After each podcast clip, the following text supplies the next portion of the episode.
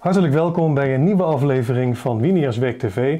Mijn naam is Andy Arns en vandaag heb ik als studiogast de auteur van dit onlangs verschenen boek, Het verdriet van de Schilderswijk, met als ondertitel over de teleurgang van een Haagse volkswijk.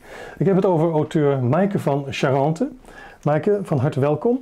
Dank je. dankjewel dat je helemaal vanuit Overijssel hierheen bent gekomen, want daar woon je tegenwoordig. Maar je bent wel een kind van de Schilderswijk. Ja, ik heb er de eerste tien jaar van mijn leven gewoond. En dat was van 1960 tot 1970, grof gezegd. Ja, wat voor wijk was dat in die kinderjaren, in de eerste tien kinderjaren van Ja, voor mijn, uh, in mijn herinnering een hele gezellige, rommelige wijk. Met, ja, er gebeurde gewoon van alles. En je had overal vriendjes waar je mee kon spelen. En er was overal drukte en er waren overal mensen. Mm -hmm. het, het was heel erg leven op straat. Dus toen ik, eh, kijk, toen ik tien jaar was, verhuisde ik naar Voorburg. En dan merk je natuurlijk pas het verschil. Hè? Want in Voorburg was het heel rustig op straat. Het was net alsof iedereen achter zijn voordeur leefde. Mm -hmm. En het was echt niet, als je met iemand wilde spelen, dan moest je afspreken. Want zomaar iemand op straat tegenkomen, dat gebeurde gewoon niet. Dus nou, het, het was een complete cultuurshock dat je zo'n ander leven had in een wijk. En achteraf besef ik dat dat bruisende, gezellige, dat dat heel typerend was voor de Schilderswijk. Dus je ging naar Voorburg op je tiende, daar heb je natuurlijk een aantal jaren gewoond. En, Ja. maar had je, ja, je had waarschijnlijk een, een, zeer sterke heimwee ook naar die Ja, ik oude Schilderswijk. heimwee. Dan lag ik s'avonds in mijn bed te wensen dat ik wakker zou worden in mijn bed op de Vianplaan. Oké. ja. Maar ja, goed, je bent in ieder geval eh, eh, jaren later, in 1983, dan ben je teruggekeerd naar de Schilderswijk als jong getrouwde vrouw. ja, dat was niet helemaal de Schilderswijk zelf, er pal naast bij het Oranjeplein. Dat is op de grens van de Schilderswijk. Ja, maar je kwam er waarschijnlijk toch vaak, of je kwam er vaak doorheen. Ja, nou ja, het punt was natuurlijk, ik had wel voor mezelf het gevoel van, ik ga terug naar mijn oude wijk. Ja, Ik wist wel dat ik een eindje verderop woonde, maar wel het gevoel van alsof ik weer thuis ging komen.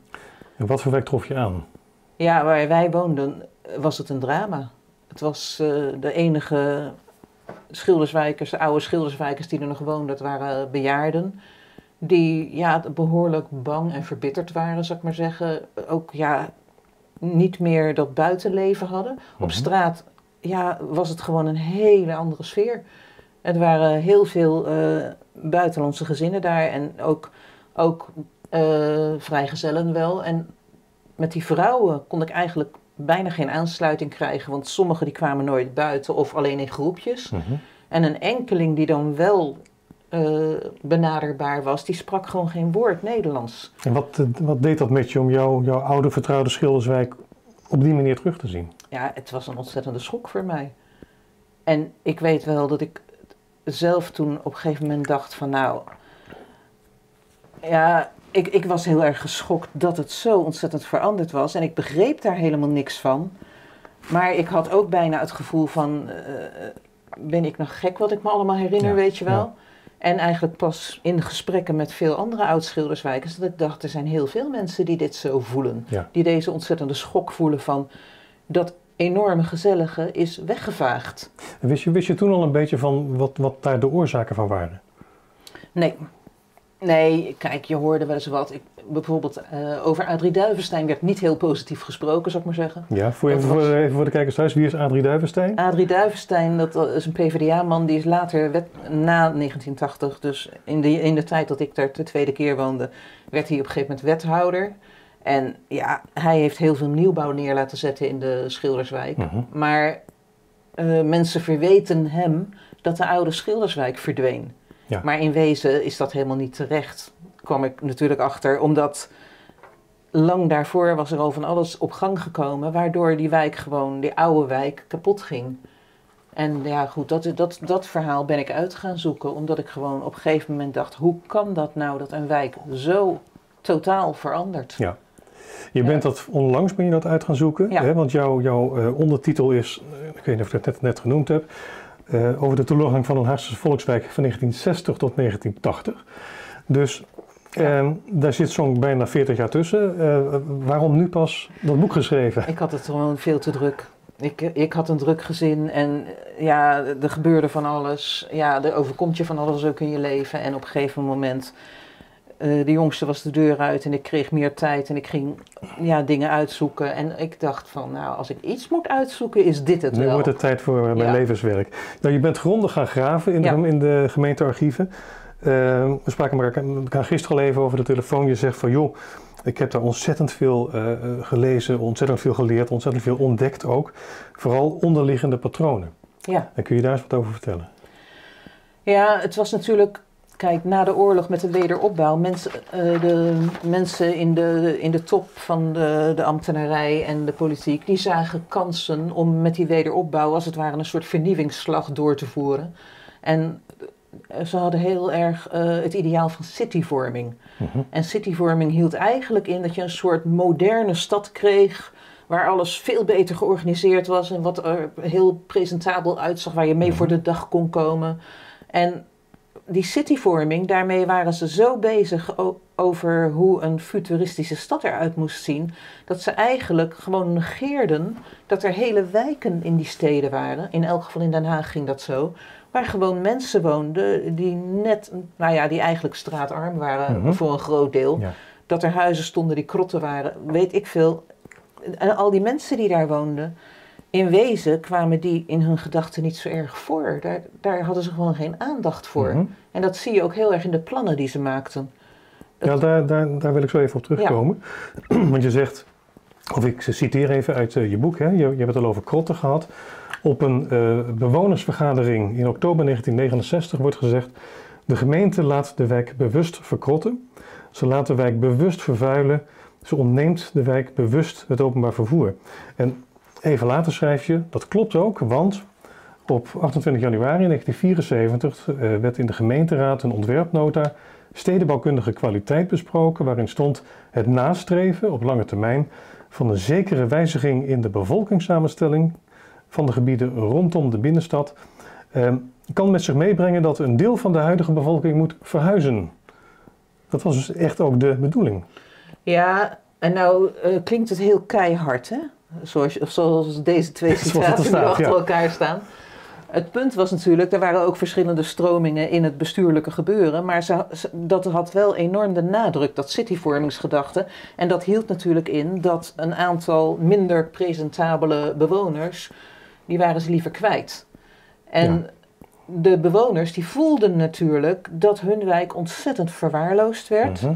En dat, eh, ja, dat ze, ze voelden met al de plannen die gemaakt werden, dat in wezen die mensen van ze af wilden, zelfs terwijl het nog niet zo rechtstreeks Mhm. gezegd werd. Dus die achterdocht, zoals dat geuit werd in die vergadering, was heel begrijpelijk als je kijkt wat er besproken werd. En eh, om even een misverstand uit de weg te helpen alvast. Het was niet zo dat die bestuurders dachten: we werken die schilderswijkers eruit en we halen de immigranten erin. Mhm. Dat hebben ze nooit gedacht. Zij wilden die schilderswijkers er gedeeltelijk in elk geval uit om betere burgers ervoor terug te krijgen, ja. namelijk een hoger niveau in die wijk. Mhm. Maar de schilderswijkers die er woonden, waren in wezen dus niet zo welkom. Nee, maar die mensen voelden, voelden dat ook. Die Ja, kwamen, die ook, in, die kwamen ook in opstand. Ja, En, eh, dus er is een ander citaat en dat komt uit een doelstellingsnota van het college. En dat is van 21 juni 1974. Dus ja dat is een half jaar een half jaar eh, later. ja. ja. precies. Eh, daar staat: gevreesd wordt blijkbaar voor een massale verdrijving van de hier thans woonachtige bevolking. Zulks is bepaald niet onze bedoeling. Ja. Wat dacht je toen je dat las? Nou, toen dacht ik wel, eh, jongens, jullie zijn niet helemaal eerlijk. Ontkenning dus, ja. Een half jaar daarvoor schrijven ze dus, ja, we streven naar een eh, zekere wijziging in de bevolkingssamenstelling. En een half jaar daarna zeggen ze wel, nee, is helemaal niet de bedoeling. En dan denk ik, nee, het was wel de bedoeling. Alleen, het was helemaal niet de bedoeling dat die bewoners allemaal in onrust zouden komen. Want met dat, kijk, die wijk die werd onleefbaar door de ongelooflijke verkrotting. In 1963 werd dat besproken in de gemeenteraad. Dat 60% van de huizen in de Schilderswijk was ernstig aan het verkrotten. Mhm. Dus niet even een beetje, maar echt ernstig. En op het moment dat je een wijk laat verkrotten, dan op een gegeven moment, kinderen worden ziek, mensen hebben constant zorgen en ellende over hun woning. Ja. Dan krijg je dat mensen op een gegeven moment weggaan. En dat was ook eigenlijk wel de bedoeling. Ze hadden ook eh, ze gingen huizen dichttimmeren en eh, slopen soms, waarna ze de grondbraak lieten liggen. Mhm. Maar dan gingen ze niet eh, zeggen van we slopen die huizen en we zetten nieuw neer, betere huizen voor de mensen van de wijk. Nee, ze lieten het expres jaren en jaren en jaren braak liggen, hele grote stukken van de wijk. Dat die mensen vanzelf wel... Ja, hele straten dichtgespijkerd op een gegeven moment. Die wijk werd onleefbaar. Want als ze meteen, bij wijze van spreken, nieuwe huizen neer gingen zetten, dan zeiden ze, dat staat dan in een nota aan de jaren 50 al, Mhm. van ja, maar dan eh, is de wijk nog niet genoeg verbeterd en dan worden de nieuwe, nieuwe woningen gedeclasseerd door de aanwezige krotten. En dan waren ze bang dat de betere burgers daar niet wilden wonen, Ja. omdat er nog krotten waren. Ja, dan gaat het dus ook niet om de bewoners van de wijk. Nee, Ja, dan gaat ja. het om je eigen toekomstbeeld met een stad. Waarin de huidige bewoners eigenlijk niet zo welkom zijn. En hebben ze in, in- heeft die politiek in Den Haag heeft die in later jaren ook toegegeven van oké, dat hebben we misschien niet zo handig gedaan, om het maar even heel netjes te zeggen. Ik denk dat ze, kijk, zoals bijvoorbeeld eh Adrie Duivenstein zelf heeft wel eens gezegd: ja, kijk, ik zou het nou anders doen. Er is geen opleiding voor wethouder. Nou, dat kan ik me voorstellen. Mhm. Maar ik heb, mm, mm, bij mijn weten is er nooit gezegd van wat die mensen overkomen is, die tegen hun wil uit die wijk verdreven zijn, Mhm. doordat de boel verkrotten, door uitplaatsing en door andere ontwikkelingen later. Die mensen hebben volgens mij nooit een excuus of een spijtbetuiging of zelfs maar een erkenning van hun En dat, is, en dat is natuurlijk ook een deel van dat verdriet van de Ja. Schilderswijk. hè? Ja, want die mensen werden toen niet gehoord, maar die zijn nooit meer gehoord. nee. Die zijn gewoon in mijn ogen vertrapt. Dan heb je het over de bewoners, maar we hebben het, eh, in je boek heb je het ook over de middenstand. Ja. Hè, Je schrijft dat de bestuurlijke laksheid niet alleen de burgers trof, maar vooral ook de plaatselijke middenstand. Je hebt ook een heel mooi hoofdstuk aangeweid, dat heet Noodkreten en Dovermansoren. Ja. En dat hoofdstuk dat begin je met eh, een incompetente overheid is erg, maar een kwaadwillende overheid is rampzalig. Ja. Was er echt sprake van kwade wil? Bij de middenstanders wel. Mhm. Ik denk bij andere dingen kan je nog zeggen, er was incompetentie. Bijvoorbeeld, ze hebben niet aanzien komen dat er zoveel immigranten zouden komen. Dat is incompetentie, ook als je het blijft ontkennen. Maar bij die middenstanders is er wel bewust voor gekozen dat. eh, kijk, ze wisten van tevoren, ze hadden in 1957 of zo. Hadden, was er al alarm geslagen door een verbond van middenstanders. Van als jullie gaan saneren, dan komt de middenstand in de wijk ontzettend in de knel. Ja. En daar is geen vangnet voor, doe er wat aan. Dat hebben ze gewoon laten liggen. En toen in 67 de eerste noodkreten van de middenstanders kwamen, toen hebben ze het uitgesteld en uitgesteld. Er moest een commissie zich overbuigen en nog een commissie. Er moest een pre-advies komen. We- er moest een nieuwe commissie worden opgericht. Er moest een steunregeling komen die niks voor bleek te stellen. Er moest nog een onderzoek komen. Ja, ja. Er moest nog een nieuwe regeling komen. Oh ja, maar die kunnen we nog niet Dus uitvoeren. We- jarenlang aan het lijntje gehouden. ja, ze hebben het jaren en jaren en jaren aan het lijntje gehouden. En ondertussen ging de ene na de andere middenstander over de Ja, kop. natuurlijk. Ja. Nou, ik, sorry dat ik je even in, in Ja. de reden val. Ik, ik, ik heb een, een passage gelezen in je boek, die vond ik ontzettend treffend. ja. Eh, ik zal hem even voorlezen. In de, in dat, is, eh, eh, dat is van een wethouder. Eh, een interne brief van een wethouder. ja, hij schreef aan aan een andere wethouder. Ja. Ja, daarin zegt hij: In de komende decennia zal een groot gedeelte van onze stad voor sanering en reconstructie in aanmerking komen, waardoor op veel grotere schaal ondernemers in het midden- en kleinbedrijf geconfronteerd zullen worden met een situatie waarin het algemeen belang voor allen grote offers vraagt en voor velen zelfs het offer van bedrijfsliquidatie. Wat mij opvalt, dat is dat begrip algemeen belang. Wat is dat? Wat arrogantie is dat? Ja, afgrijzelijk. ja, maar dat was ook een brief waar ik zo ontzettend kwaad van werd. Ook omdat dat was wat ze achter de schermen zeiden. Terwijl ze voor de schermen deden alsof er allemaal onderzoeken en steunregelingen zouden komen. Maar achter de schermen zeiden ze gewoon van ja, ze moeten zich maar opofferen voor het hoge belang ja, van de sanering of zo. Dat was hun futuristische stad. Hun idee Ideaalbeeld. van cityvorming. Ja. En daar moesten die schilderswijkers zich maar voor opofferen. Ja, en dan moest je bedrijf maar over de kop gaan. Ja, ja, dat moest je ervoor over hebben. Het was ook, ook wel aardig. In de regel daarna heeft hij het over... ja, de overheid krijgt zo gauw het verwijt... om voorbij te gaan aan de particuliere belangen... maar dat is een misverstand. Ja. En eh, echt... Tegenstrijdigheid ten top. Ja, maar in, in, eh, hoe die middenstanders behandeld zijn, daar heb ik me echt heel kwaad over gemaakt Ja. hoor. Want dat was. Heeft je dat ook persoonlijk getroffen? Kende je mensen Nee. die... die eh, Nee, het heeft mij niet persoonlijk getroffen. Het is meer dat. je- Ik kwam op een gegeven moment dus die eerste brief tegen uit 67. Hm. En dan ga je natuurlijk, terwijl je al die notulen doorwerkt, zit je te speuren. Wanneer komt er nou wat voor die mensen? En het een na het ander kwam. En op een gegeven moment ontdekte ik een achterliggend dossier waar al die achterliggende documenten in zaten. En toen, nou, Toen ging de beerput open. ja, ik heb echt. eh, eh, mijn, man, mijn man heeft het horen gekregen. Ik heb lopen voeteren door het huis. Ik werd er bij Ja, terugwerkende ja, ja. kracht zo kwaad van hoe die mensen behandeld zijn. Ook eh, vooral het steeds valse hoop geven, aan het lijntje houden. Mhm.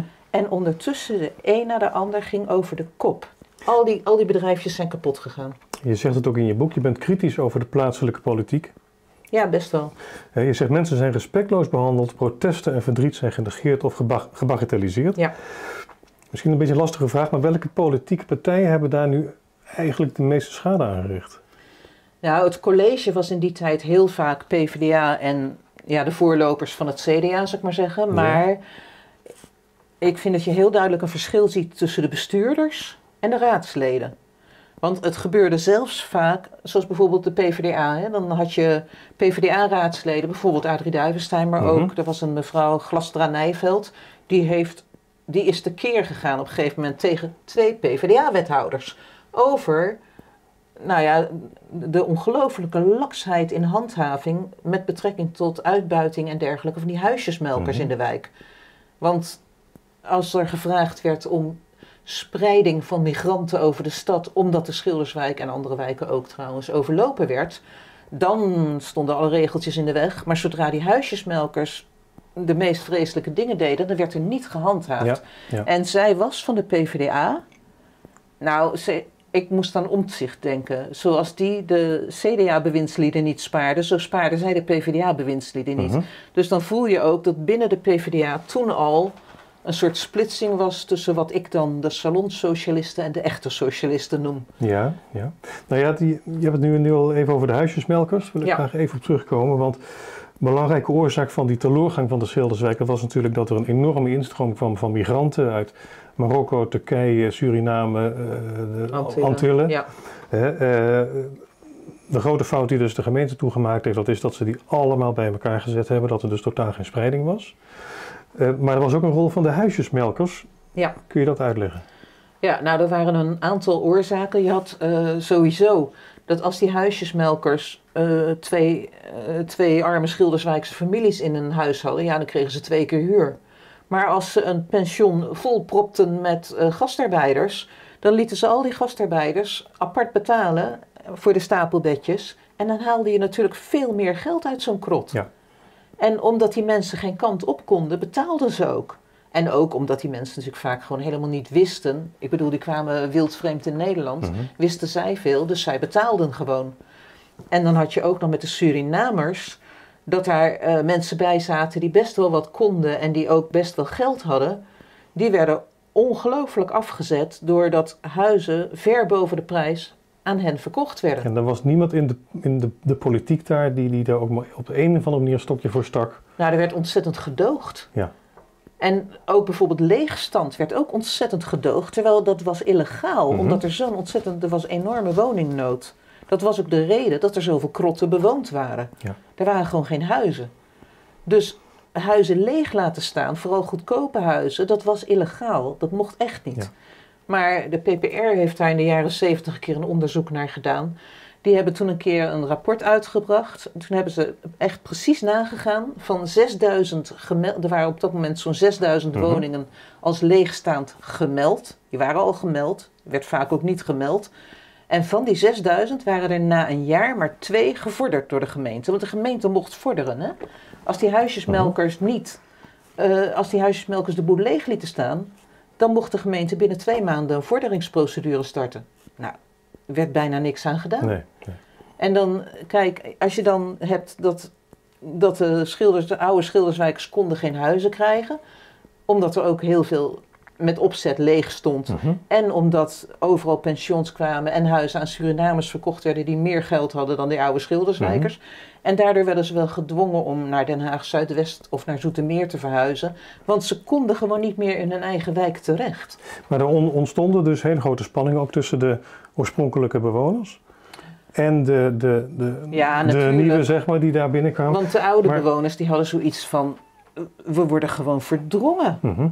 Er komen allemaal buitenlanders in die wijk en wij kunnen geen huizen krijgen en zij nemen alle huizen in beslag. Maar dat lag natuurlijk niet aan die buitenlanders, aan Nee, die immigranten. Dat lag aan, aan de huisjesmelkers, maar ook aan de betere wijken die hun deuren dicht Maar wat ik, wat ik dus ook, klopt het ook dat, dat de gemeente partij trok voor migranten bij geschillen tussen Nou- migranten en de oors- oorspronkelijke bewoners? Er was op een gegeven moment een soort sfeer. Kijk, je hebt... eh, je had in de jaren zeventig kreeg je dat anti-apartheidsactivisme. Mhm. Dus je had eerst natuurlijk Martin Luther King in de VS en daarna Nelson Mandela in Zuid-Afrika. Je kreeg het activisme. Ja. En dat werd voor mijn gevoel een beetje geprojecteerd op wat er onder andere in de Schilderswijk gebeurde. Dus immigranten, eh, ja, die waren dan eigenlijk de onderdrukten. En de oude Schilderswijkers, die waren blank, dus dat waren de onderdrukkers. Ja. Nou ja, zo eh, heel Zo werd dat gezien. clean lag Ja. het ook weer niet. Maar het valt wel op dat op een gegeven moment eh, in de gemeenteraad, dan ging het over een rapport over Surinamers in de wijk. En er waren heel veel eh, jonge Surinamers die in de criminaliteit terechtkwamen. Er werd ontzettend vergoelijkt. En er werd eigenlijk de schuld of de verantwoordelijkheid bij de Nederlanders gelegd. Want die moesten dan voor die Surinamers zorgen. Ja, Ja, dat is natuurlijk Maar- kolder. die kans die was er niet eens. Die mensen zaten Nee. samen in de, in de ellende. Die konden, de Schilderswijk werd al overlopen. De- die Schilderswijkers konden niet gaan zorgen voor al die groepen die daar binnenkwamen. Ja, ja. En dat is natuurlijk een hele kromme verwachting. Maar het is natuurlijk voor de migranten zelf is het natuurlijk ook, eh, de- ook een drama geweest. Ja. Want, want, want die werden dus, hè, wat ik net al zei, die werden met z'n allen in één deel van die wijk gestopt. ja, Hadden dus ook geen enkele kans om met de oorspronkelijke eh, bewoners van de wijk in contact te komen. En, en eh, je was onlangs de gast bij Fidan, Fi- eh, Fidan Ekes, sorry, ik spreek Ja. het verkeerd uit. Ehm, en die eh, zei tegen jou van, wat goed dat dat ook verteld wordt. ja. ja maar dat, is, dat was ook een heel belangrijk aspect. Want het waren natuurlijk niet alleen de blanke, nee, de autochtone Schilderswijkers die dus in de verdrukking zaten, Mhm. maar die migranten net zo goed. Ja. Want die kwamen echt in verschrikkelijke omstandigheden terecht, werden aan alle kanten bedrogen, die, die huisjesmelkers. En ze kregen niet de kans om uit de wijk te ontsnappen. En dat is ook een hele erge, dat ze gewoon, want er is onderzoek naar gedaan, mig- immigranten die hadden helemaal niet een voorkeur om allemaal op een kluitje bij elkaar te wonen. Mhm. Die wilden liever tussen de Nederlanders wonen. Ja. Maar die spreiding over de stad is nooit van de grond gekomen. En dus zaten ze, ja, kwamen ze eigenlijk in een soort ghetto terecht. Ja. Dat is, dat is eh, gebeurd in, eh, in, in, in, in Den Haag. Maar goed, er zijn natuurlijk meerdere steden eh, waarin, waarin hetzelfde gebeurd is. Waar ik dan benieuwd naar ben, je, je boek is in, de, in, is in december verschenen. Ja. Er is een hoop media-aandacht aan geweest. Ja. Een hoop mensen hebben het gelezen.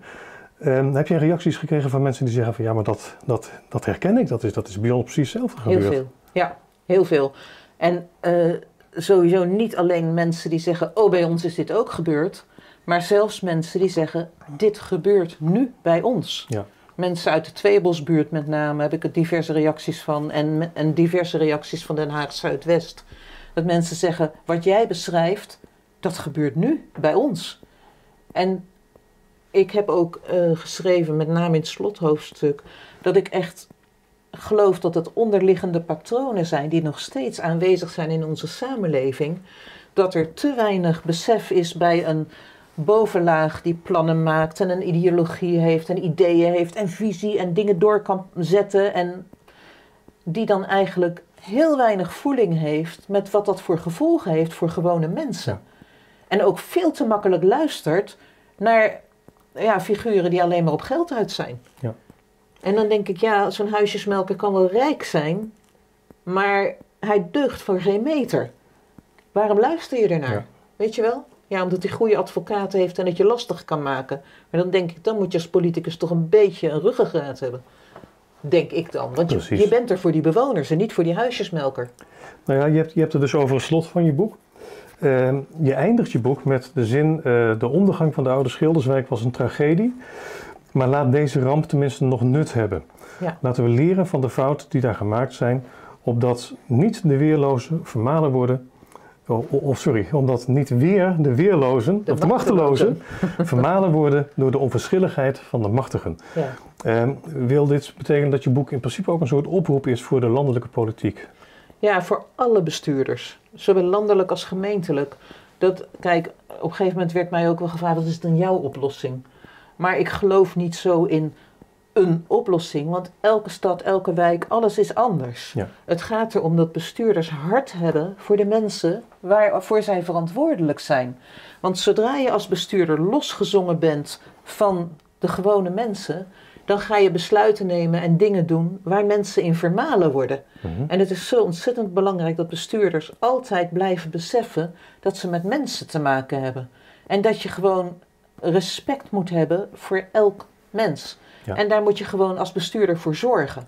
Dat is ook wat je met je boek wil, wil bereiken. Ja, ja, dat er gewoon bij bestuurders een warm hart is voor de mensen. En niet zozeer een belangengedoe en eh, weet ik wat allemaal. Maar echt gewoon een warm hart voor de mensen waar ze verantwoordelijk voor zijn.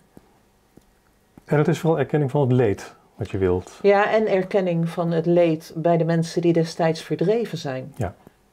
Want daar is dit heel veel verdriet. En ik vind dat er best wel eens wat aandacht voor mag komen.